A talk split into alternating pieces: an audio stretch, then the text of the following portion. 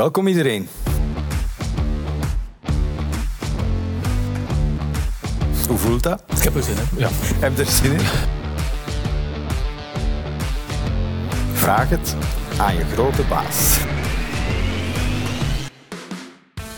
In deel 1.2 van deze Future Forward podcast zwaaien we diesel vaarwel en heten we Hansea's nieuwe elektrische bussen welkom.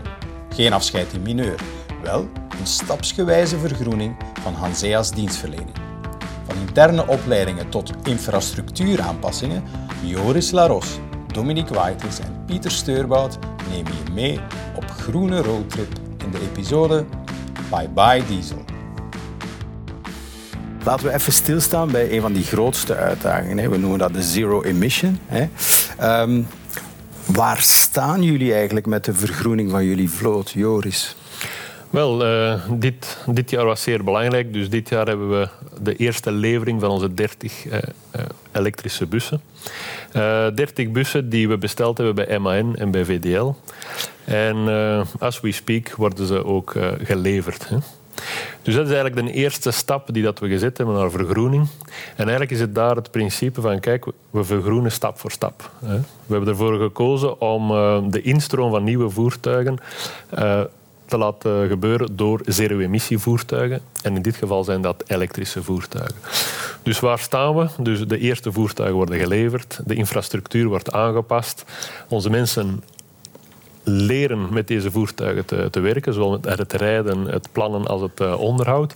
Dus we zijn echt gestart aan die kennismaking met deze nieuwe technologie. Mm Zijn er operationele voorbeelden die je misschien kan uh, illustreren? Hè? Wat, dat die vergroening al, al goed ingezet is? Mm -hmm.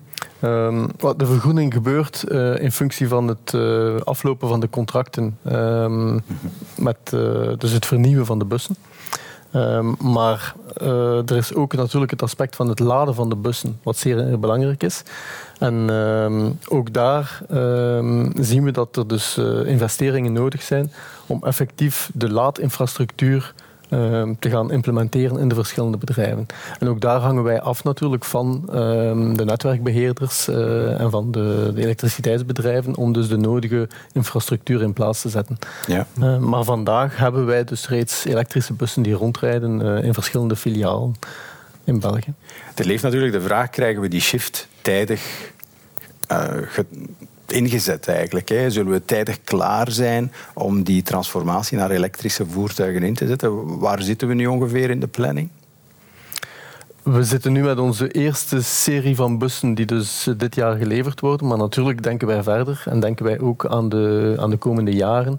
Um, en aan het uh, stelselmatig vervangen van de dieselbussen door elektrische bussen um, voor het uh, openbaar vervoer. Ja, nu Dominique, ik kan me voorstellen dat jullie niet integraal bepalen hoe snel het moet gaan. Hè. Het zal een financieel plaatje zijn, maar jullie zijn ook natuurlijk afhankelijk van bepaalde partners. Hè. Jullie volgen ja, het ritme van jullie klanten, letterlijk en figuurlijk. absoluut. Hè. Dus we, we, werken niet in een soort van uh, vacuüm. We werken binnen een Europese kader waar, waar ook doelstellingen zijn uh, uh, geformuleerd rond vergroening van, uh, van, van, van regio's, van steden, van, van, van, van openbaar vervoer. En dat zijpelt inderdaad zo door naar Vlaanderen, dat zijpelt door naar de lijn en dat zijpelt uiteindelijk ook door naar, naar ons, hè, met, met, met, de, met de lijn onze voornaamste klant is. Dus wij, wij volgen inderdaad het, dat ritme, wij volgen de verwachtingen van de klant, hè, we doen het stap voor stap. en we willen natuurlijk ook geen onnodige financiële risico's nemen. Hè. We, we, willen dat op een, op een verstandige, financieel verantwoorde manier ook, ook doen.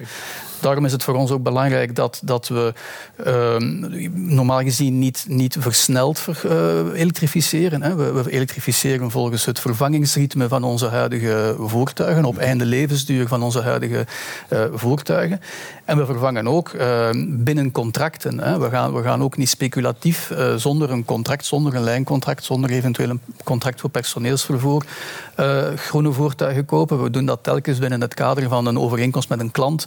Dus zodanig dat ook het financieel plaatje op lange termijn ook uh, klopt. Klopt. Ja, dus het ritme wordt eigenlijk bepaald door één de oude, toestel, de oude voertuigen die dienen vervangen te worden. En twee, het tempo dat jullie opgelegd wordt door jullie klanten hè, via de contracten. Inderdaad. Zelfs binnen dat tempo zal dat, Pieter, waarschijnlijk voor wat uitdagingen zorgen op het terrein. Hè?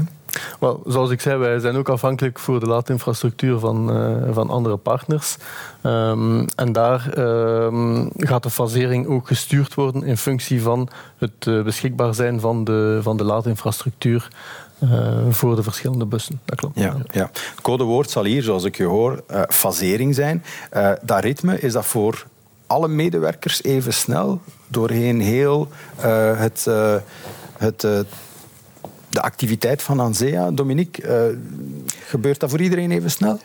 Wel, we, kijken in eerste instantie waar, dus de voertuigen aan vervanging toe zijn. In principe zullen die niet meer vervangen worden door elektrische voertuigen.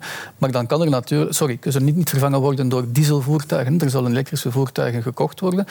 Of dat die dan ook daar zullen aangewend worden, dat hangt, dat hangt er dan vanaf van de, de, de, de noden op, die, eh, op die vestiging, van de contracten binnen die vestiging. En het kan zijn dat dan een voertuig dat op een bepaalde vestiging gekocht wordt, misschien toch wel ingezet wordt op een plaats waar, waar die uh, binnen een uh, contract kan ingeschoven worden. En dat dan de vestiging waar het voertuig moest vervangen worden, een bestaand voertuig en tijdelijk krijgt, krijgt in de vloot.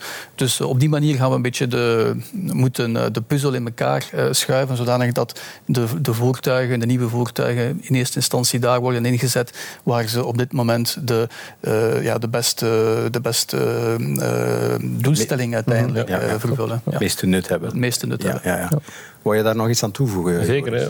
Uh, en dat is eigenlijk ook de, de kracht die we hebben als groep, is dat we die fasering, en zoals je hoort, die, die fasering is gelaagd. Hè? Dus hoe snel gaan we naar een elektrische vloot? Uiteindelijk moeten we zeggen, in 20, de, uh, 2035 zijn onze lijnvoertuigen allemaal geëlektrificeerd. Hè. Dus dat betekent dat we eigenlijk over een, een, tiental jaren een volledige kentering krijgen van, van, van de vloot. Uh, zoals net is aangehaald, ja, je moet daar toch wel uh, voorzichtig mee omgaan. Van waar uh, bouw je je infrastructuur uit? Maar door die uitwisseling met onze verschillende bedrijven kunnen we één, de kennis die we lokaal opdoen, ter beschikking stellen van de collega's. Maar anderzijds kunnen we ook helpen in, in het optimaliseren van deze vloot. Hè. Zodanig dat we eigenlijk op een, een gezond principe komen dat er een nieuwe instroom is in, van elektrische voertuigen. en dat ook die uitstroom van die dieselvoertuigen rationeel gebeurt. Hè. het is een, een, allez, een interessant denkproces, een interessant optimalisatieproces. Uh, zodanig dat die vergroening op een tempo komt, zodanig dat we in 2035 klaar zijn. Maar anderzijds dat we ook doorheen de groep de juiste beslissingen nemen en uh, door elkaar te helpen en te ondersteunen die, die doelstellingen realiseren. Ja, ja. Heel fijn. Dus daar schuilt ook het kracht, de kracht van het netwerk in. Hè. Zeker. Uh, dat jullie daar ook een bepaalde vorm van mobiliteit hebben. Dominique, ik kom nog even terug bij jou. Er is een, een concrete vraag rond geleden bussen. Um, wanneer eh, zien jullie de geleden bussen vervangen, vervangen worden door zero-emission uh, varianten? Wel, ook, ook daar hè, eerst natuurlijk moesten, uh, moesten er uh, de geleden bussen moesten elektrisch ook op de markt zijn. En dat was ook, niet, uh, dat ook iets later gebeurd dan, wanneer, dan voor de standaardbussen. Nu zijn die wel beschikbaar. Dus nu zullen die in principe ook, de, de, wanneer ze ver, komen te ver, ver, hun op einde levensduur, zullen zij op ja. dat moment ook door elektrische voertuigen vervangen worden. Ehm, maar ja, ook daar moet er wel nog met de klant, met de lijn natuurlijk, ook concrete afspraken gemaakt worden over een eventuele compensatie voor de meerkost van die voertuigen. Hè. En dat, dat is momenteel nog niet uh, volledig rond, die, uh, die uh, afstemming met de klant. Maar van zodra dat die er is, is de verwachting wel dat ook die voertuigen zullen geëlektrificeerd worden. Ja, we proberen zo snel te gaan als dat onze klanten dat willen. Hè. Inderdaad. Dat heeft operationeel ook waarschijnlijk wat voeten in de aarde. Wat betekent dat exact voor de stelplaatsen, Pieter? Mm -hmm. um, Misschien mag ik nog even iets toevoegen wat betreft de, de snelheid waarmee we kunnen gaan. Het hangt ook af van de snelheid van de leveranciers van de bussen. Ook een interessant punt. Uh, we weten ook dat op logistiek vlak uh, de situatie vandaag niet zo evident is op wereldniveau. En dus uh, ook de leveranciers van bussen die, die ervaren ook vertragingen in het krijgen van de verschillende onderdelen. Dus dat is ook een factor die meespeelt bij de snelheid waarmee we eigenlijk kunnen gaan elektrificeren. Ja, ja. een zeer goed punt. Hè. De mensen die luisteren of kijken, die zullen dat waarschijnlijk wel zien. Ook bij het bestellen van elektrische voertuigen zijn er heel lange ja. wachttijden. Zelfs bij elektrische fietsen hè, is er een schaarste. Mm -hmm. Dus dat zal waarschijnlijk niet anders zijn voor de bussen. Zeer goed punt. Ja. Um, elektrificatie, de gevolgen voor de stelplaatsen, uh, wat zegt dat operationeel? Mhm. Een elektrische bus laden uh, is natuurlijk een, een proces dat uh, een hoge hoeveelheid energie vraagt. Um, hoe meer bussen we laden, hoe meer dat eigenlijk die, die spanningspieken, die, die stroompieken bij elkaar komen. Dus ook daar moeten we naar de toekomst toe gaan werken, naar uh, applicaties die ons helpen om eigenlijk het laden van de bussen te gaan plannen, zodat we zeker zijn dat alle bussen op het juiste moment klaarstaan voor de operaties, maar dat we wel vermijden dat bijvoorbeeld alle bussen op hetzelfde moment starten met laden, want dan krijgen we een enorme stroompiek. Hetgeen natuurlijk de infrastructuur die nodig is om dat te gaan dragen, is natuurlijk ook veel uh, belangrijker. Dus uh, dat is een evenwichtsoefening en dat is ook een, een, een, investering die we gaan doen om op dat vlak eigenlijk de stelplaatsen te gaan uitrusten, naarmate dat er meer en meer bussen komen, met dus de nodige tools om het ladingsproces te gaan plannen. Uh, ja. voor die uh, bussen. Anderzijds hebben we ook natuurlijk qua parking, uh, moeten we zien dat de verschillende parkingplaatsen uitgerust zijn met laadpalen. Um, en daar ook zijn er bepaalde vereisten, een kwestie van uh, beschikbaarheid van de, van de parkeerplaats. Uh, um, dus daar, daar komen wel wat meer zaken bij kijken uh, mm -hmm. voor, voor eigenlijk het invoeren van, van die vloot. Vooral als we dan gaan praten over um, een grotere hoeveelheid bussen. Als het één of twee bussen, elektrische bussen aangaat, dan gaat dat nog redelijk simpel. Maar naarmate dat we meer en meer elektrische bussen gaan krijgen, wordt natuurlijk uh, het planningsgedeelte een, pak belangrijker. Ja, hele uitdaging om te maken dat jullie niet in de situatie zitten dat we soms zien op de autosnelwegen tijdens uh, vakanties. Hè, dat mensen met elektrische wagens zitten aan te schuiven. Hè, dat iedereen tegelijkertijd wil laden, dat er genoeg ruimte is, dat de mhm. mensen kunnen wachten en zo. Dus diezelfde challenges hebben jullie ook. Hè.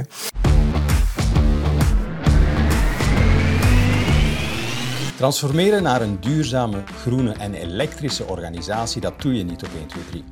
Maar de dieselperiode, die komt stilaan wel aan haar einde. Dankjewel om te kijken en te luisteren naar deze episode van de Future Forward podcast. In het derde deel van deze podcast hebben we het met Joris, Dominique en Pieter over de samenwerking met Hansea's partners en de vernieuwing van de contracten. Luister volgende week naar de nieuwe aflevering van deze podcast, Business Trends.